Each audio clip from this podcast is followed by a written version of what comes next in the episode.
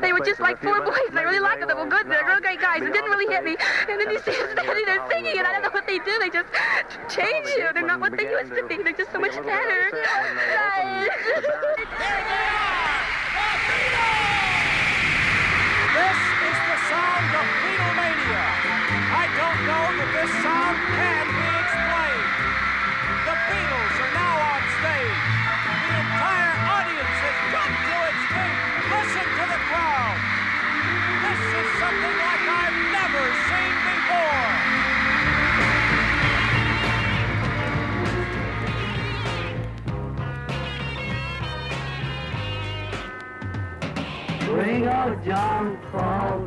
מסע הקסם המסתורי, סיפורה של להקת החיפושיות. מסע הקסם המסתורי, סדרת תוכניות בעריכת יואב קוטנר. והשבוע פרק 11, אני רוצה לאחוז בידך. תחילת הביטלמניה בבריטניה.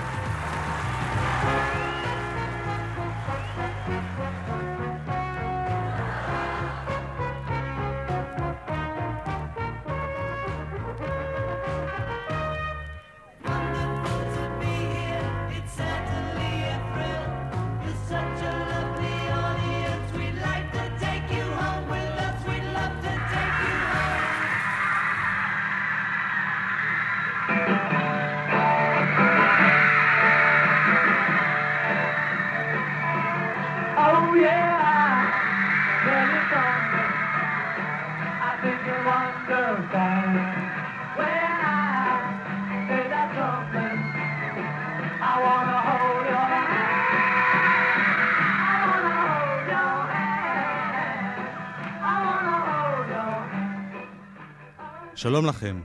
טירוף החיפושיות, או הביטלמניה, השתלט על בריטניה באוקטובר 1963 ונמשך כשלוש שנים. הביטלמניה הגיעה לכל מקום בעולם. צעירים היסטריים בני כל המעמדות, בלי הבדלי גזע, דת או מין, זעקו יה יה ללא הפסקה. אלפי צעירים יצרו רעש עצום, השתלהבו מבחינה רגשית ומינית, בכו, צרחו והתעלפו בהופעות חיות של הביטלס. במשך שלוש שנות הביטלמניה היה הצליל האופייני צרחות. בעשר התוכניות הבאות נעסוק בשנות הביטלמניה מהיבטים שונים, ולכן גם אות התוכנית השתנה מעט, כפי שהבחנתם בוודאי. קשה להגזים בתיאור הביטלמניה, כיוון שהתופעה עצמה הייתה מוגזמת. כאשר נפסק טירוף החיפושיות בשנת 1966 עם הפסקת ההופעות החיות שלהם, נראה כאילו כולם התמוטטו מרוב עייפות או שעמום. קשה היה להאמין שהדבר אכן התרחש במציאות. האם ייתכן באמת שכולם יצאו מדעתם ונתקפו היסטריה? כולם, מצעירים חסרי השכלה ועד בני אדם מיושבים בדעתם, משכילים ואפילו כאלה התופסים משרות חברתיות רציניות. התוכנית היום היא התחלת סיפור הביטלמניה בבריטניה. התקופה בה אנו עוסקים כעת היא סוף 1963, תחילת 1964. חודשים אחדים בהם השתלטו הביטלס על בריטניה. בתוכנית הקודמת התייחסנו לבריטניה. הבאנו את הרקע החברתי, כלכלי ומוזיקלי לעליית הביטלס. את התוכנית היום נפתח בניתוח מצב הביטלס עצמם ערב הביטלמניה. מעין סיכום ביניים של מצב הלהקה לקראת סוף 1963, כפי שהכין לנו עודד היילבורנר. בשנת 1963 התגבשו בקרב הביטלס מספר מאפיינים שיישארו ללא שינוי כמעט במשך כל שנות קיומה של הלהקה. בשלב זה אפשר כבר לקבל תמונה בהירה של אופי הלהקה דרך התנהגותה, מדיניותה המוסיקלית והפרסונלית. אחרי שינויים אחדים בהרכב, החיפושיות עתה עם להקה מגובשת מאוד. פול מקארטני מנגן בבאס ושר, ג'ון לנון בגיטרת קצב ושר, ג'ורג' הריסון בגיטרה מובילה ושירה, ורינגו בתופים. עד שנת 1965 התרכז כל אחד מחברי הלהקה בנגינה אך ורק בכלי שלו, כמעט ללא יוצא מהכלל. ג'ורג' מרטין, המעבד והמפיק, ינגן בדרך כלל על הכלים הנוספים. הצלחת השירים שכותבים לנון ומקארטני במהלך 1963 מבססת את מעמדם ככותבי השירים הבלעדיים בלהקה וחוסמת כמעט לחלוטין את אפשרויות הביטוי של ג'ורג' הריסון. במשך הזמן יגרום הדבר הזה לחילוקי דעות חריפים ויהיה בין הסיבות לפירוק. לנון ומקארטני ככותבים לא הגיעו עדיין לשיאם. חלק גדול מהשירים שהם כותבים באותה תקופה לא מוקלט בגלל רמתם הנמוכה יחסית. השירים האלה ניתנים לאומנים אחרים, נשמרים במגירה או מושמדים. בתקופה זו מקפידים ג'ורג' מרטין והביטלס להקליט אך ורק שירים הנראים להם ברמה גבוהה, ולכן בכל אלבום כמחצית מן השירים אינם מקוריים. בעתיד יקליטו הביטלס רק שירים שלהם, מתוך ביטחון שהקהל יאהב גם שירים פחות טובים. בשנת 1963 הם עדיין לא בטוחים בעצמם, עד כדי כך. המדיניות של הלהקה ומנהליה הייתה להציף את השוק בכמה שיותר שירים, ולא ליצור תקופה של שקט וחוסר פעילות. הביטלס חששו שהמעריצים ישכחו אותם, וברגע שהיה להם חומר טוב, מהרו להקליט אותו ולהוציאו לשוק מיד. המדיניות הזו נמשכה עד 1966, כשהביטלס הבינו שגם בתדירות תקליטים נמוכה יותר, הם שומרים על פופולריות גבוהה. כתיבת השירים באותה תקופה נעשית על ידי ג'ון ופול בצורה חובבנית ומקרית. הם אינם יודעים תווים ברמה רצינית ואינם נפגשים במיוחד כדי לחבר שירים. השירים נוצרים דרך אגב, בנסיעה להופעות או במהלך בילויים משותפים. לנון ומקארטני כותבים את השירים, מילים ומנגינות כמעט לגמרי ביחד, ולכן אין עדיין קווי אפיון ליצירה של כל אחד מהם.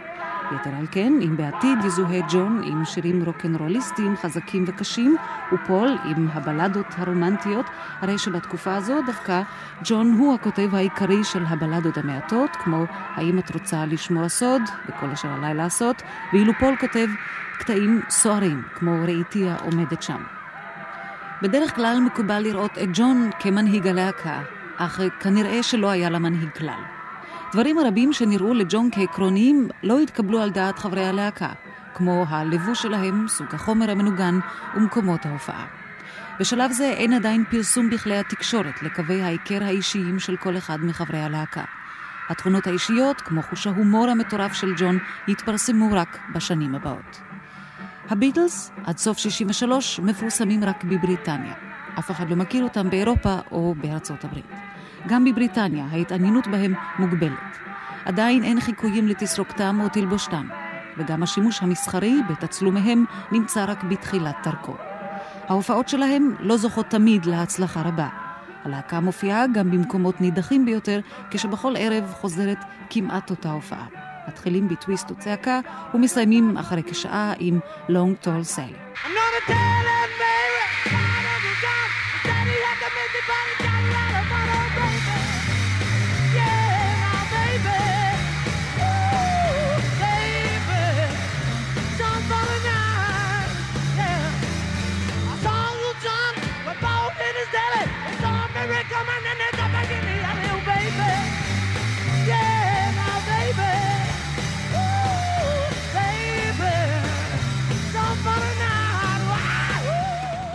סביב החיפושיות הולך ונבנה מנגנון שלם.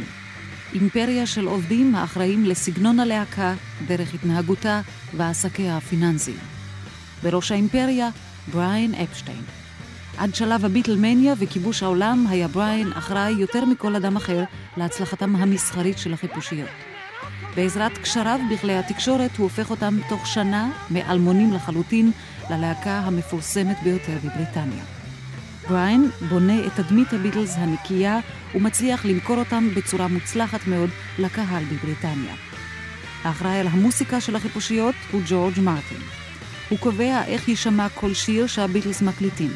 הוא הופך את הסקיצות הבוסריות של לנון ומקארטני ליצירות מופת. עם ג'ורג' מרטין עובדים באולפן ההקלטה הטכנאים ג'ף אמריק והוריקן סמית, הם יקליטו כמעט את כל אלבומי החיפושיות. המוציא לאור של שירי החיפושיות הוא דיק ג'יימס. חברת המו"לות של ג'ון ופול, אותה מנהל דיק ג'יימס, נקראת Northern Song. סיבובי ההופעות של הביטלס באותה תקופה מאורגנים על ידי ארתור האוז. שני חברי ילדות של הביטלס, ההופכים לעוזרים אישיים שלהם וכן לאחראים על התחבורה, ציוד ההופעות וארגון הבמה, הם ניל אספינול ומל אבנס. קצין העיתונות של הביטלס הוא טוני בארו, האחראי על מכירת הביטלס לכלי התקשורת. חברת התקליטים שבה מקליטים הביטלס היא פרלופון EMI. הם יקליטו בחברה הזו עד 1968, כשיקימו את חברת תפוח. על פי החוזה בין בריין אפשטיין וחברת פרלופון מקבלים הביטלס רק פני אחד על כל תקליט שנמכר. זה יהיה השכר שיקבלו הביטלס עד שנת 1967, כשאת רוב הסכום ירוויחו ג'ון ופול, כותבי השירים. חברת הגג לכל עסקי החיפושיות נקראה הפקות Names, Names Enterprises. אותה הקים בריין אפשטיין בשנת 1962. החברה אחראית על טיפול בכל עסקיה הכספיים של הלהקה, גביית תמלוגים מהשירים ומכירת הזכויות על כל הפריטים הקשורים לביטלס. לבריין אפשטיין 75% ב NEMS, לאחיו קלייד 20% ולחיפושיות 5% הנותרים. על פי ההסכם בין אפשטיין והביטלס, עוד מסוף 1961, 75% מכל ההכנסות שלהם הגיעו אליו. אפשטיין נתן לביטלס דמי כיס קבועים מדי חודש. החוזה עם אפשטיין נמשך עד 1967, ויש הטוענים שהמתחים בנושא זה בין אפשטיין והביטלס הביאו להתאבדותו ב-1967. אך אנחנו עדיין בתיאור התקופה לפני סוף 1963. אחד העקרונות עליהם הקפידו הביטלס ככל שיכלו היה שמירת חייהם הפרטיים בסוד. רק מאוחר יותר הבין אפשטיין שחשיפה נכונה של פרטים מחייהם עשויה לעזור להצלחתם. בריין בנה להם תדמית נקייה ותמימה. כל פרט שהיה עשוי לפגוע בתדמית זו נשמר חסוי. ויכוחים פנימיים בלהקה, בעיות חברתיות או פוליטיות, פרטים אישיים כמו נישואיו של ג'ון והעובדה שיש לו ילד, כל אלה לא היו מוכרים לציבור הרחב. מה שבריין נתן לפרסם היה חוש ההומור המיוחד שלהם, הרקע החברתי-כלכלי הנמוך שלהם, החברות הארוכה ביניהם והקשיים הרבים שלהם בדרכם להצלחה. סיכום ביניים של מצב הביטלס בשנת 1963.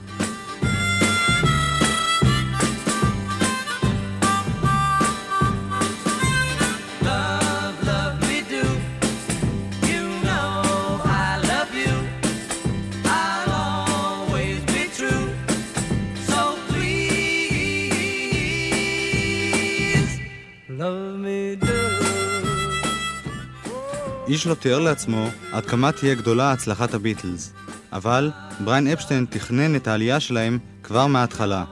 עד שלב מסוים, בו הוא איבד את השליטה על המאורעות, היה אפשטיין האחראי היחיד על כל מה שקרה לביטלס. עד שלב הביטלמניה הוא ממש בנה אותם בכוח, לפעמים אפילו על חשבונם. ההצלחה שלהם הייתה חשובה לו יותר מאשר המצב הגופני או הנפשי של ג'ון, פול, ג'ורג' ורינגו. אופייני הסיפור הבא. כשיצא התקליטון Me Do לשוק, בריין אפשטיין לא לקח שום צ'אנס והזמין מיד עשרת אלפים עותקים לחנות שלו בליברפול. למרות שבליברפול היו לביטלס הרבה מאוד מעריצים, נשארו רוב התקליטונים האלה ארוזים בקופסאות קרטון עוד חודשים רבים. עיתונאי שפגש את פול מקארטני באותה תקופה בלונדון, נדהם לשמוע שפול היה ממש רעב. פול סיפר לו שכל מה שהוא אכל באותו יום הייתה חתיכת עוגה אחת. איך זה יכול להיות? שאל אותו העיתונאי. ופול השיב, מישהו היה צריך לשלם על עשרת אלפי התקליטונים שבריין קנה. לאו מידו הגיע בסופו של דבר רק אל המקום ה-17 במצעד. עם הוצאת התקליטון לאו מידו, החל בריין אפשטיין מגביר את יחסי הציבור של הביטלס בשיטות שלא היו מקובלות עד אז. במשרד נמס הדפיסו דפי מידע על חברי הביטלס, ובהם קווי החיים שלהם. הדפים האלה נשלחו לכל העיתונאים ברחבי בריטניה. הם כללו גובה, משקל, צבע עיניים, וגם בגדים אהובים, אוכל אהוב, תחביבים, שנאות ואהבות. בסעיף המכוניות כתב פול, המכונית האהובה עליי היא פורד קלאסיקס. ג'ון כתב, המכונית האהובה עליי היא אוטובוס. שאיפות בחיים, פול כתב כסף וכדומה. ג'ון כתב, להיות עשיר ומפורסם. האוכל האהוב על רינגו היה צ'יפס. מה רינגו הכי אוהב? את כל מי שאוהב אותו. ג'ון לנון מספר על התקופה הזו. It only sold in Liverpool. Over the rest of Britain, it didn't, you know, nobody bought it there. About half a dozen people did. But it sold so many in Liverpool the first two days because they were all waiting for us to make it. That the dealers down in London thought there's a fiddle on. That Mr. Epstein fella up there is cheated, you know. They didn't believe it. When they wrote in requests for it, for the radio programs, they wouldn't play it because they thought it was a cheat. Because all the requests and everything came from Liverpool. בהתחלה מכרנו תקליטים רק בליברפול. בכל שאר חלקי אנגליה אף אחד לא קנה את זה. מכרנו המון בליברפול, כי שם חיכו לנו. בלונדון חשבו שבריאן אפשטיין מרמה. כשהגיעו בקשות להשמעות בתוכניות רדיו, כולם חשבו שזו רמאות. כל הבקשות הגיעו מליברפול. בספטמבר 1963 כבר לא היו זקוקים בריין אפשטיין והביטלס להתנצלויות או הסברים. הם יצרו מצב חסר תקדים בשוק התקליטים. אחרי שהלהיט She Loves You הגיע למקום הראשון עם צאתו על סמך חצי מיליון הזמנות מוקדמות, היו להם גם תקליטון במקום הראשון, גם EP, כלומר תקליטון ובו ארבעה שירים במקום הראשון, וגם אלבום במקום הראשון. I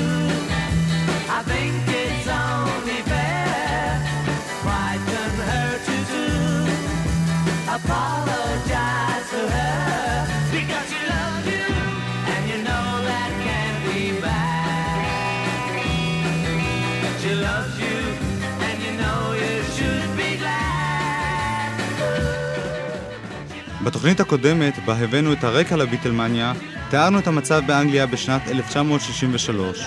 העיתונות, שהתעסקה במשך חודשים ארוכים בפרשיות של שחיתות, חיפשה משהו טוב להיאחז בו. חדשות כלילות ומשמחות. ידיעות שיאווררו מעט את תחושת המשבר והדיכאון באנגליה. העיתון הראשון שמצא פתרון היה הדיילי מירור.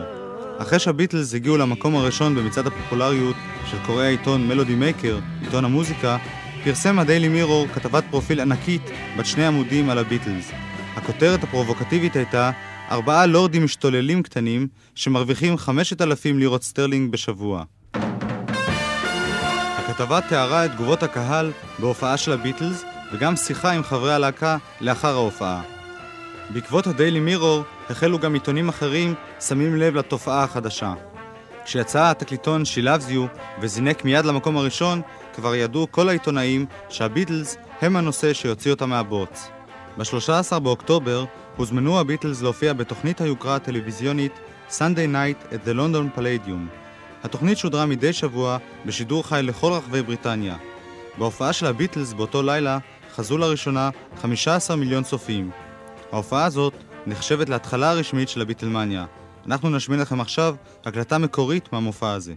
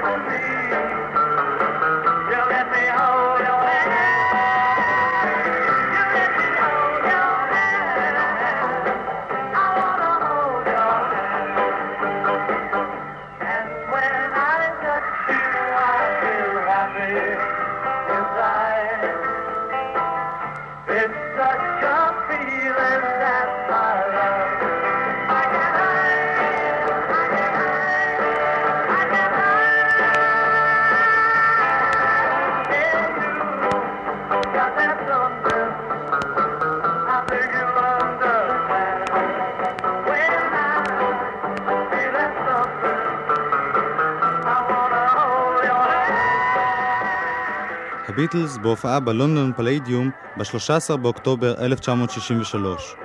ביום המחרת יצאו כל עיתוני בריטניה בכתבות ענק ובתמונות שער על הופעת הביטלס. אף אחד לא כתב על המוזיקה. העיתונאים הרעבים לחדשות דיווחו על הפגנות של מעריצי הביטלס מחוץ לפלדיום. הדיילי מירור כתב שהמשטרה הדפה אלף מעריצים צורחים. הדיילי מייל והדיילי אקספרס הביאו תמונות של ארבעת הביטלס, והכתובת מתחת לתמונות תיארה אותם מפלסים דרכם בקרב אספסוף של 500 צעירים, כשעשרות שוטרים יוצרים שרשרת חיה להגן עליהם. יש הטוענים כי האמת הייתה שונה. על פי דיווח של עיתונאי שהיה שם, פחות מ-20 צעירות חיכו לחיפושיות. לא היו שום הפגנות כשהם גמרו את ההופעה, אך בלי שום קשר למציאות, בכלי התקשורת קיבלה הרצת החיפושיות שם רשמי חדש, ביטלמניה.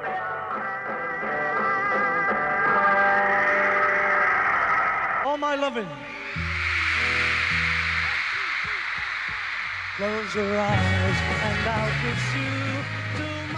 התופעות של השתוללות והיסטריה בהופעות של הביטלס התרחשו כבר חודשים אחדים, אך עתה, אחרי ההופעה בפליידיום, הם קיבלו ממדים חדשים.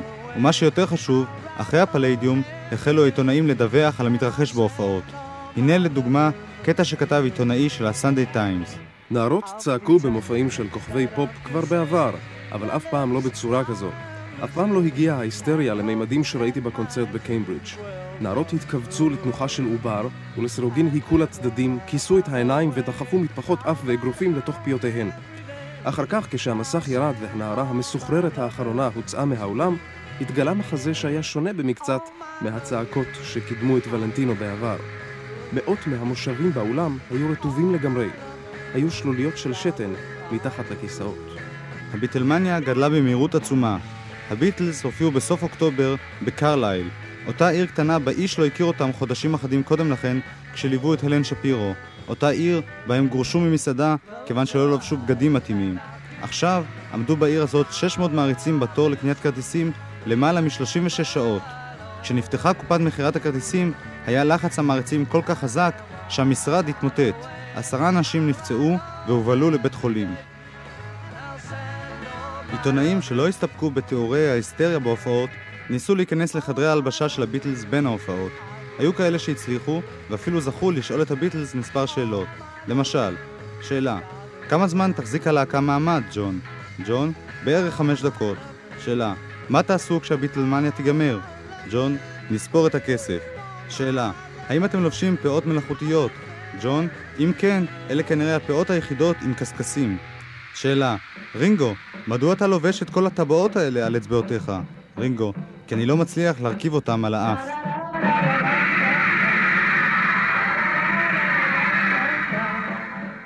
בשבוע שלאחר ההופעה בפליידיום נראה כאילו השתנה היחס לביטלס בבת אחת. הם לא נחשבו יותר ללהקת פופ מטופשת המעודדת את הצעירים להשתתות. הם היו גם, עד כמה שהדבר מפתיע, שנונים ואינטליגנטים. לא משנה מה הייתה הדעה המוקדמת עליהם, על פי המראה והלבוש שלהם. ברגע שהם פתחו את הפה לדבר, מיד הרגישו כולם שהם שונים. ב-16 באוקטובר קיבל השינוי ביחס לביטלס אישור רשמי. הם נבחרו להופיע במופע המלכותי בלונדון ב-4 בנובמבר. לפני המופע המלכותי, עוד בסוף אוקטובר, הספיקו הביטלס לצאת למה שבריין אפשטיין כינה הסיבוב האירופי הראשון, או בפשטות, מספר קונצרטים בשוודיה. המעריצים השוודיים חיכו את המעריצים בבריטניה בכל, גם בלבוש וגם בתספורת. העיתונות בשוודיה כינתה את התספורת של החיפושיות בשם תסרוקת בסגנון המלט. בקונצרט של הביטלס בסטוקהולם היה צורך בכוח של 40 שוטרים מצוידים באלות ואפילו בתגבורת של כלבים כדי לרסן את המעריצים.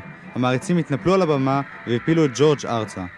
ב-29 באוקטובר, כשהביטלס חזרו ללונדון, ציפתה להם בנמל התעופה היטרו קבלת פנים הגדולה ביותר עד כה. מאות נערות הציפו את כל האולמות בנמל התעופה ויצרו בלאגן כל כך גדול עד שאיש לא שם לב לכך שבאותו זמן נחתו שם גם ראש ממשלת בריטניה דאז, סר אלק דגלס יום, וגם מלכת היופי העולמית. אנחנו שומעים עכשיו הקלטה נדירה מאוד מתוך המופע המלכותי שהתקיים ב-4 בנובמבר 1963.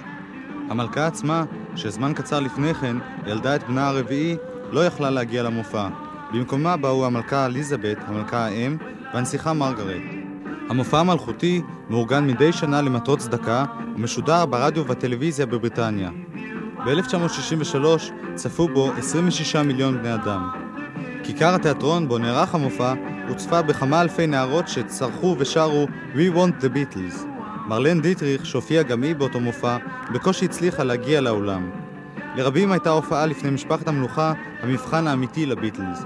כולם שאלו את עצמם, האם משפחת המלוכה תצחק או תמחא כפיים? בריין אפשטיין היה מתוח במיוחד.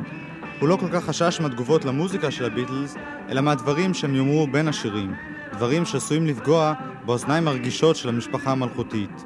חששותיו של בריין גברו כשג'ון הודיע לו מראש שהוא פשוט יגיד להם לקשקש בתכשיטים המחורבנים שלהם.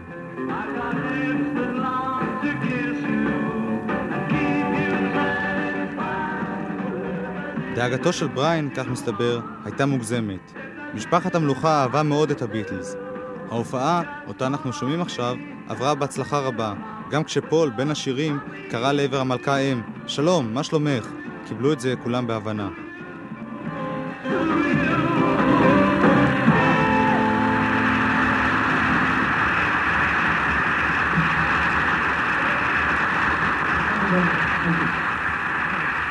Thank you. Thank you very much. Well, that was a song called From Me to You. Good evening, how are you? All right? Oh, good. We'd like to carry on with a new song, uh, She Loves You. One, two. She loves you, yeah.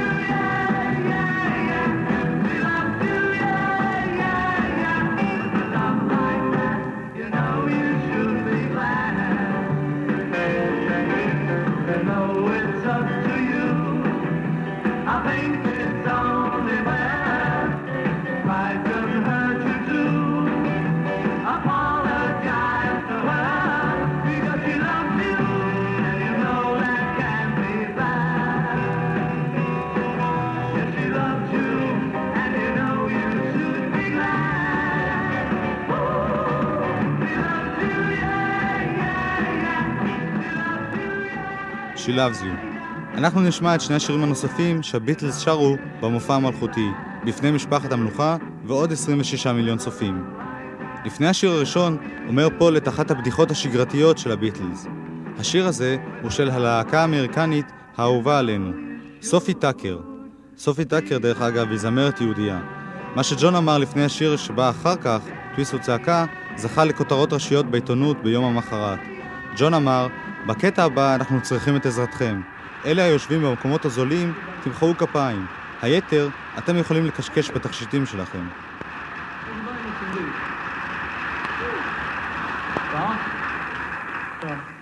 The next song we'd like to sing now is one which is a bit slower. This is from the show The Music Man, and it's also been recorded by our favorite American group, Sophie Tucker.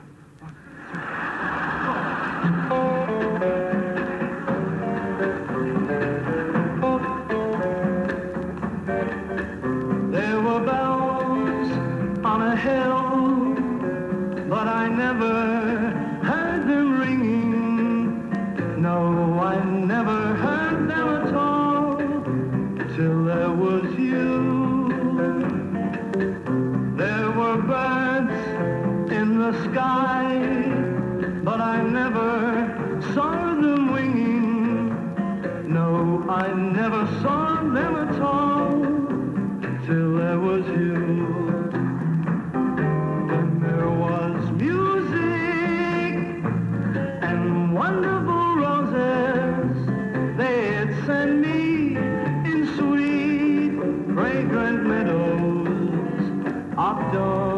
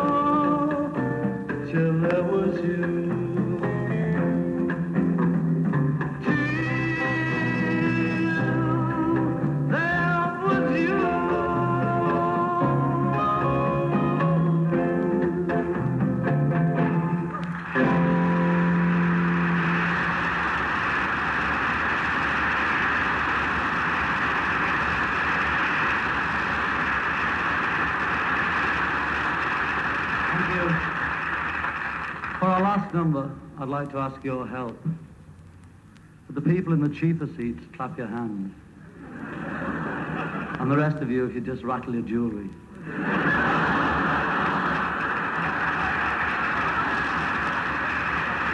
Thank you. We'd like to sing a song called Twist and Shout.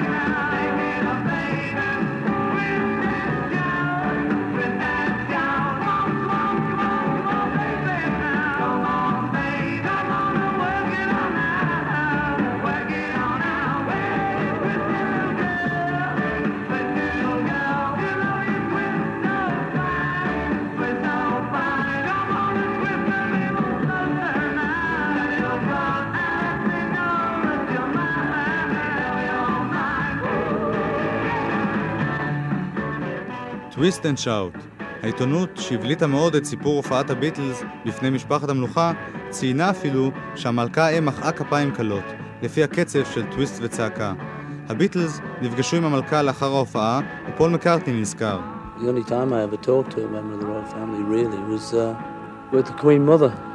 When she had a, on a variety performance then, and she just said, uh, "Where are you playing tomorrow night?"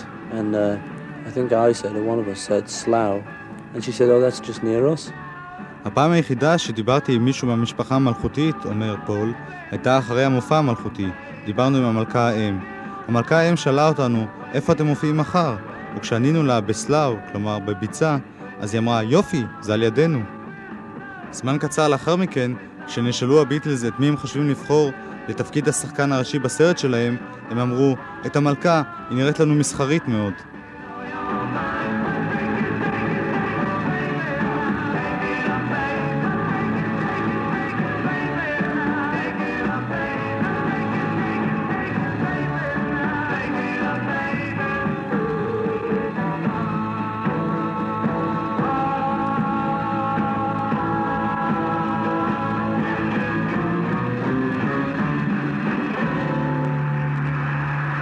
and Shout בהופעה לפני משפחת המלוכה. ביום שלאחר המופע המלכותי פרסם הדיילי מירור כתבה תחת הכותרת ביטלמניה. ששת מיליוני הקוראים שלו קראו את הדברים הבאים. אתה באמת צריך להיות בן אדם חמוץ ומרובע אם אינך אוהב את הביטלס החמודים, הרעשניים, השמחים והחתיכים. אם הם לא שוטפים ממך את העצב, בחור, אתה מקרה אבוד. אם הם לא מכניסים קצב לרגליים שלך, נערה, את כנראה לא חיה. כמה מרענן לראות את ארבעת הצעירים האלה תופסים את המכופתרים המבוגרים בצווארונים שלהם וגורמים להם להתנועע בקצב כמו בני טיפש עשרה. העובדה היא שאנשי הביטלס נמצאים בכל מקום ובכל גיל, משבע עד שבעים. תענוג לראות איך ארבעת הבחורים האנרגטיים האלה מצליחים כל כך פתאום. הם צעירים, חדשים, יש להם חדוות חיים אמיתית. איזה הבדל זה לשמוע אותם אחרי כל הזמרים המבוגרים, הבוכים ברחמים עצמיים. יש להם חוש הומור נהדר, ועם השערות שלהם נראות כמו מברשות, הרי שבאמת הן נקיות מאוד, רעננות, וכמותן כל ההופעה שלהם. טדי לויטה, עיתונאי מרשת עיתונאי דיילי מירו, מוסיף גם הוא על התקופה ההיא. נדמה לי שבפעם הראשונה שהשם ביטלס הופיע בעיתונות הבריטית, זה בעצם היה גילוי, בגדר גילוי. ולא עבר הרבה זמן, הייתי נתקל בשטח יותר ויותר אה, רחב, המוקדש בעיתונים העממיים, רבי התפוצה, אה, לאותו נושא של בידור, ובתוך נושא של בידור, לביטלס. לפני זה לא היה מדור כזה? המדור היה מצומצם, הוא היה מוקדש לשחקנית זו או אחרת על הבמה הרצינית של לונדון, או איזושהי זמרת שהופיעה באיזשהו מקום. פה לפתע, הביטלס יצאו מתחילה תפסו מקום רחב באותו המדור, שהתרחב, בכל העיתונים, לא רק בעיתון אחד. ותוך זמן יחסית קצר עברו לדפים, דפי חדשות המרכזיים של העיתונים, כל תנועה שלהם, כל הופעה שלהם. כל זה יצר את התדמית שאלה הם newsmakers, הם עושי חדשות, ממש. ואני חושב שהם גם שינו בלא מעט את האווירה בין הנוער הבריטי, ולא רק הנוער. פה מצאו משהו יחסית מאוד חיובי, אה, מוזיקה.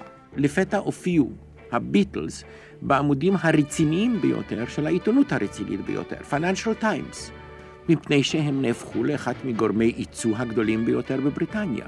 הרווחים שלהם, הסכומים שהם הרוויחו במטבע זר, במכירת תקליטים אה, וממכירת, מהופעות שלהם בחוץ לארץ, היו אסטרונומיים. יותר מאשר תעשיות רבות אה, וגדולות אה, בבריטניה. הם משכו תיירים שבאו לבריטניה לשמוע אותם. פעם הופיעה מפת בריטניה באותה תקופה, ובהחלט נתקבלה על דעת כולם. ציור של האיים הבריטים ואות למד, אל, רק במקום אחד. לא לונדון, ליברפול. מפני שליברפול, כי מרכז הביטלס נהפך למרכז בריטניה ומרכז העולם בכלל. בשנות ה-60 טסתי ללונדון, וידעתי שהוא יבצע תחנת ביניים, נחיתת ביניים, באיזשהו מקום בבריטניה, ולא ידעתי איפה. והנה אנחנו נוחתים, ואני מסתכל על בניין של שדה התעופה, ואני רואה באותיות ענקיות על גג הבניין הזה, כתוב ביטלס איירפורט. הבנתי שהגעתי לליברפול. הם נהפכו לחלק מהנוף הבריטי, ונתנו גם פתרון די רציני לנוער הבריטי. אה, אותו פתרון שהיום חסר, והיום יש לך אלימות במקום זה. אז היו הביטלס, ובמשך שנים רבות, כמה, עשר שנים כמעט. וזה התפתח ברחבי העולם, אותה מניה, כפי שקוראים לזה, או אותה אהדה. תודה לעיתונאי טדי לויטי.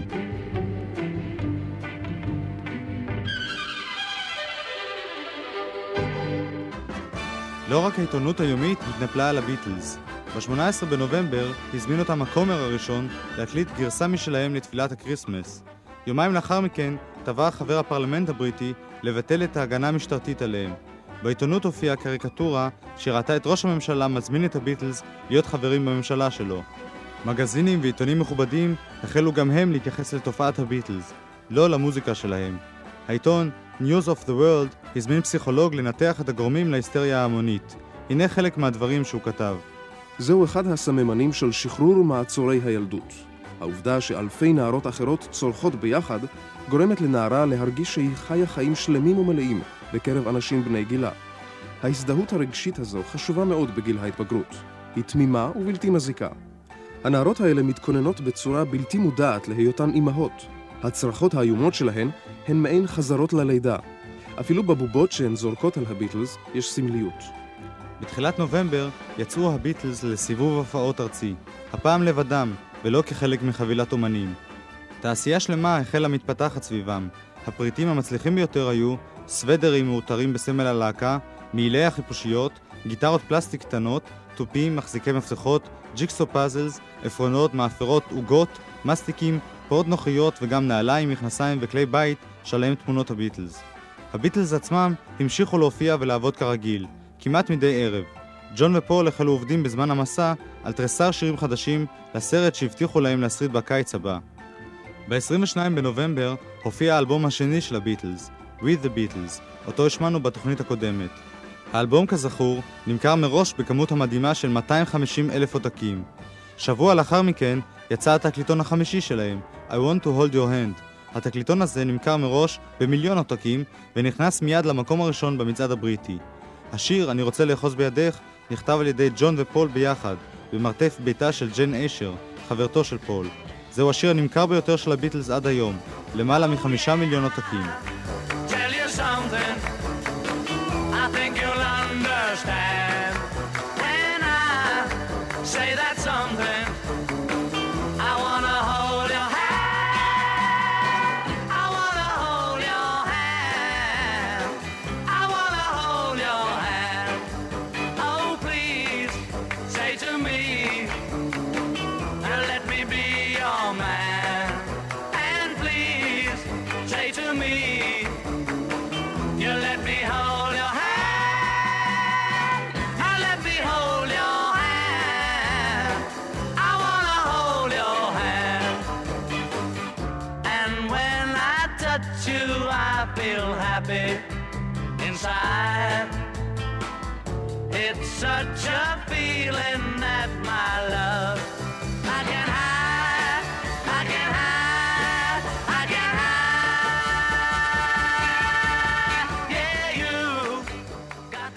מבקרי ה-New Musical Express כתבו על השיר הזה. כשהביטלס הוציאו את התקליטון ההיסטורי הזה, הם הציגו עצמם כאומני האומנות הקשה של כתיבת תקליטוני פופ מסחריים, מקוריים ובלתי נשכחים. המבנה המוזיקלי של "אני רוצה לאחוז בידך" עשיר ברעיונות נועזים, המראים איזו התפתחות עצומה והתבגרות יצירתית עברו הביטלס. מרגע הפתיחה ועד הפזמון הדיסוננטי, כל התפיסה של השיר הזה חדשה ושונה מכל מה שנעשה קודם לכן. בשיר הזה עזבו הביטלס לגמרי את ההשפעות של מוזיקת הרוק האמריקנית שאפיינה את יצירתם בתחילת דרכם. You. I think you'll understand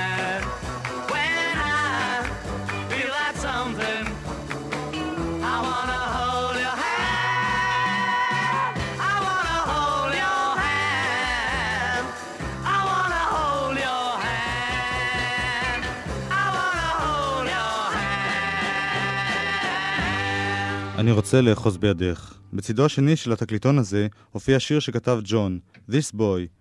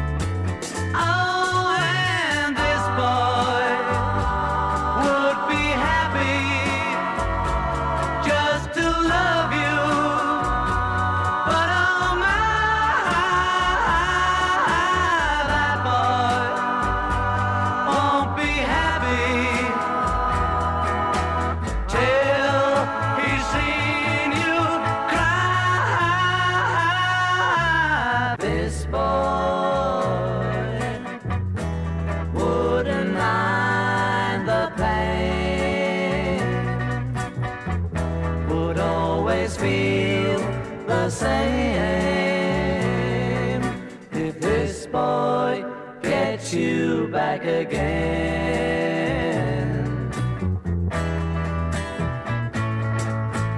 This boy,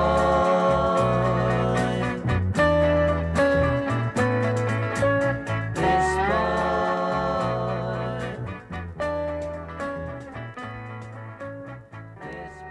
This Boy, נער זה, הצד השני של התקליטון אני רוצה לאחוז בידך.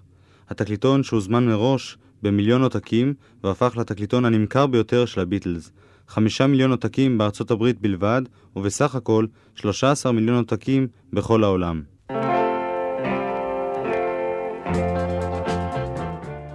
בדצמבר 1963 היו לביטלס שבעה תקליטונים ותקליטוני ארבעה שירים במצעד 20 הגדולים בבריטניה. ב-11 בחודש זה הם השתתפו בתוכנית טלוויזיה של ה-BBC. כמעט בכל יום הייתה נערכת איתם מסיבת עיתונאים. ה-BBC שידר אותם ללא הפסקה. היה מי שכינה את ה-BBC Beatles Broadcasting Corporation, שירות השידור הביטלסי. אדוארד הית', שאמר עליהם בעבר שהם משבשים את הלשון האנגלית, פרסם הכחשה וטען שהביטלס חשובים לאנגליה. הוא אמר, מי ידע שהם יצילו את תעשיית מכנסי הקורדורוי של אנגליה? אפילו העיתון הקומוניסטי, דיילי וורקר, חילק למחמאה בכותבו צלילי המרסי הם קולותיהם של 80 אלף בתים מתמוטטים ו-30 אלף מובטלים. ומה כתבו אצלנו בישראל באותה שנה? הנה קטע עיתונות שהתפרסם אז. החדש בשיגעונות מעורר ממש מהומות באולמות הבידור. הכוונה לשגעון הפרעושים, סליחה, החיפושיות. הכוונה כמובן ללהקת חיפושיות הקצב, המעלה קצף וגורפת כסף. אכן, ממון כורח ממש. וכי היכן נשמע כדבר הזה שארבעה נערים השתכרו מדי שבוע 60 אלף לירות, פי אלף משמשתכרים בני גילם כשוליות בבתי מלאכה וחנויות, ופי 500 ויותר משמשתכרים השוטרים וקציניהם הממונים על הסדר במקום בו מופיעות חיפושיות הקצב. ימים ולילות תמימים ממתינות נערות בתורים ארוכים ומתפתלים כדי לזכות בכרטיס להופעת החיפושיות. את הנעשה באולם קשה ממש לתאר, שיגעון. בחוץ עומדים אמבולנסים מוכנים לקלוט נערות שהתעלפו מגודל החוויה, ובפנים מתרגשות מאות הטיפשוניות ממראה עיניהן וממשמע אוזניהן במידה כזו שלעומתן נראית הילולת שמחת תורה כצפצוף זמיר לעומת יללות אלף תנים בליל ירח.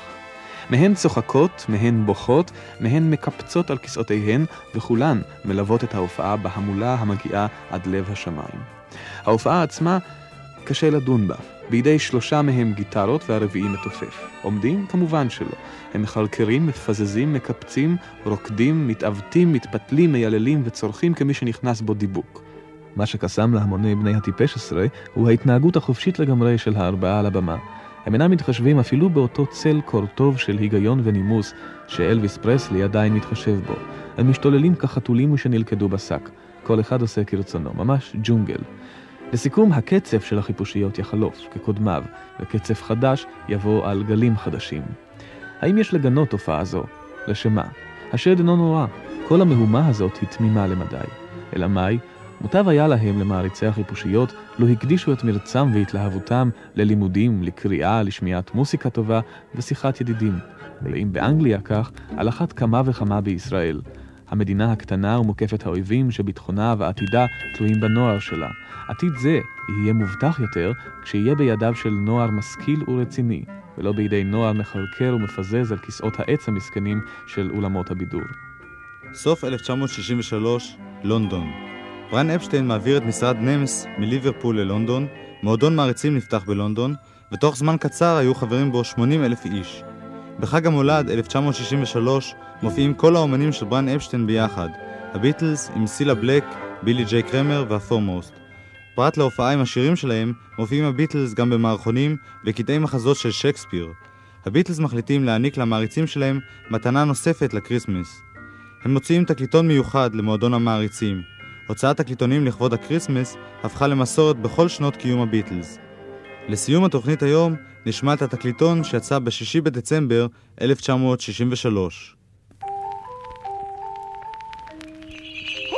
Good King Wenceslas last looked out on the feast of Stephen as the slow ray round about, deep and crisp and crispy, brightly showed the boot last night on the musty cruel. Henry Hall and David Lloyd, Betty Grable too.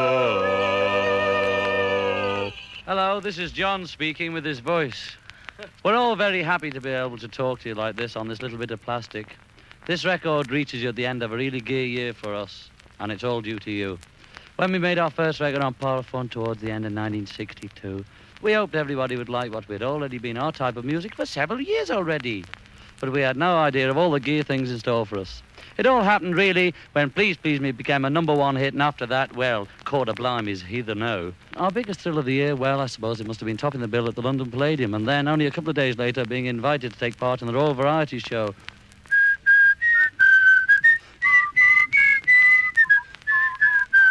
This time last year, we were all dead chuffed because Love Me Do got into the top 20, and we can't believe really that so many things have happened in between already. Just before I pass you over to Paul, I'd like to say thank you to all the Beatle people who have written to me during the year, and everyone who sent me gifts and cards for my birthday, which I'm trying to forget, in October. I'd love to reply personally to everyone, but I just haven't enough pens. In the meantime, Gary Crimble to you, Gary Mimble to you, Getty Babel, dear Christmas, happy birthday, me too. This is Paul here. Everything that John said goes for me too, especially the bit about birthday cards and the parcels, because all our homes and offices got stacks of mail last June. Ow! well, it was my birthday. Anyway, we're all dead pleased by the way you've treated us in 1963, and we'll try to do everything we can to please you with the type of songs we write and record next year. Oh, yeah. Somebody asked us if we still like jelly babies. Well, we used to like them. In fact, we loved them. And we said so in one of the papers, you see. Ever since then, been getting them in boxes, packets, and crates. Anyway, we've gone right off jelly babies, you see. But we still like peppermint creams and chocolate drops and dolly mixes and all those sort of things, don't Yes, we? yes, oh yes. Well, lots of people asked us what we enjoy best, you see. Concert and television or recording. We like doing stage shows because it's, you know, it's great to hear an audience enjoying themselves. But the thing we like best, I think so anyway, is going into the recording studio. Yeah, we enjoy that Love very kindly. To make new records, which is what we've been doing all day before we started on this special message. Well, uh, what we like to hear most is one of our songs, you know, taking shape in a recording studio. Uh, one of the ones what John and I have written. And then listening to the tapes afterwards to hear how it all worked out, you see. Well, I'm running over my time and people are telling me to stop. Like Stop, Ringo, stop, stop, stop shouting so, those I'll animals. finish now with it. Wishing everyone happy Crimble and a Merry New Year, and especially all the ones who paid the subscription. Ja, das wird undankeschön und den Chris von Even. Ja, den Chris von Eder schon. Ja, das wird wunderschön, boy. Dankeschön. Ja, Ringo. Hello, Ringo here. As you know, I was the last member to join the Beatles. I started to play drums in the group 1962. I've been a couple of other groups. Oh, just wish the people Wish- Merry Happy. Go on for Christmas. Christmas.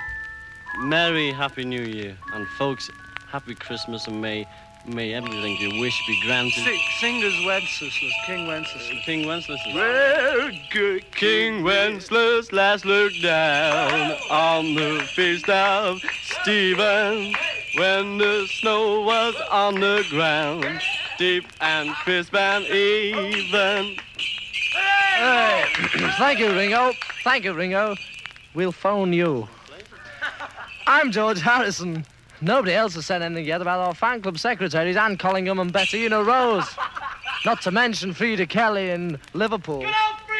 So on behalf of us all, I'd just like to say a great big thank you to Anne, Bettina and Frida for all the hard work they've done. And we just hope you can go on pleasing you for a Keep long time. Cause, because it's your reaction to our records that really matters. And I'd just like to say, brightly was the sun that night, though the winter cruel, when a pork pie came inside, gathering winter cruel. Rudolph the red-nosed reindeer had a very shiny nose. When everybody told him, Oh, oh, yeah. oh, oh Ricky the red-nosed Negro had a very shiny nose. Merry Christmas, everybody.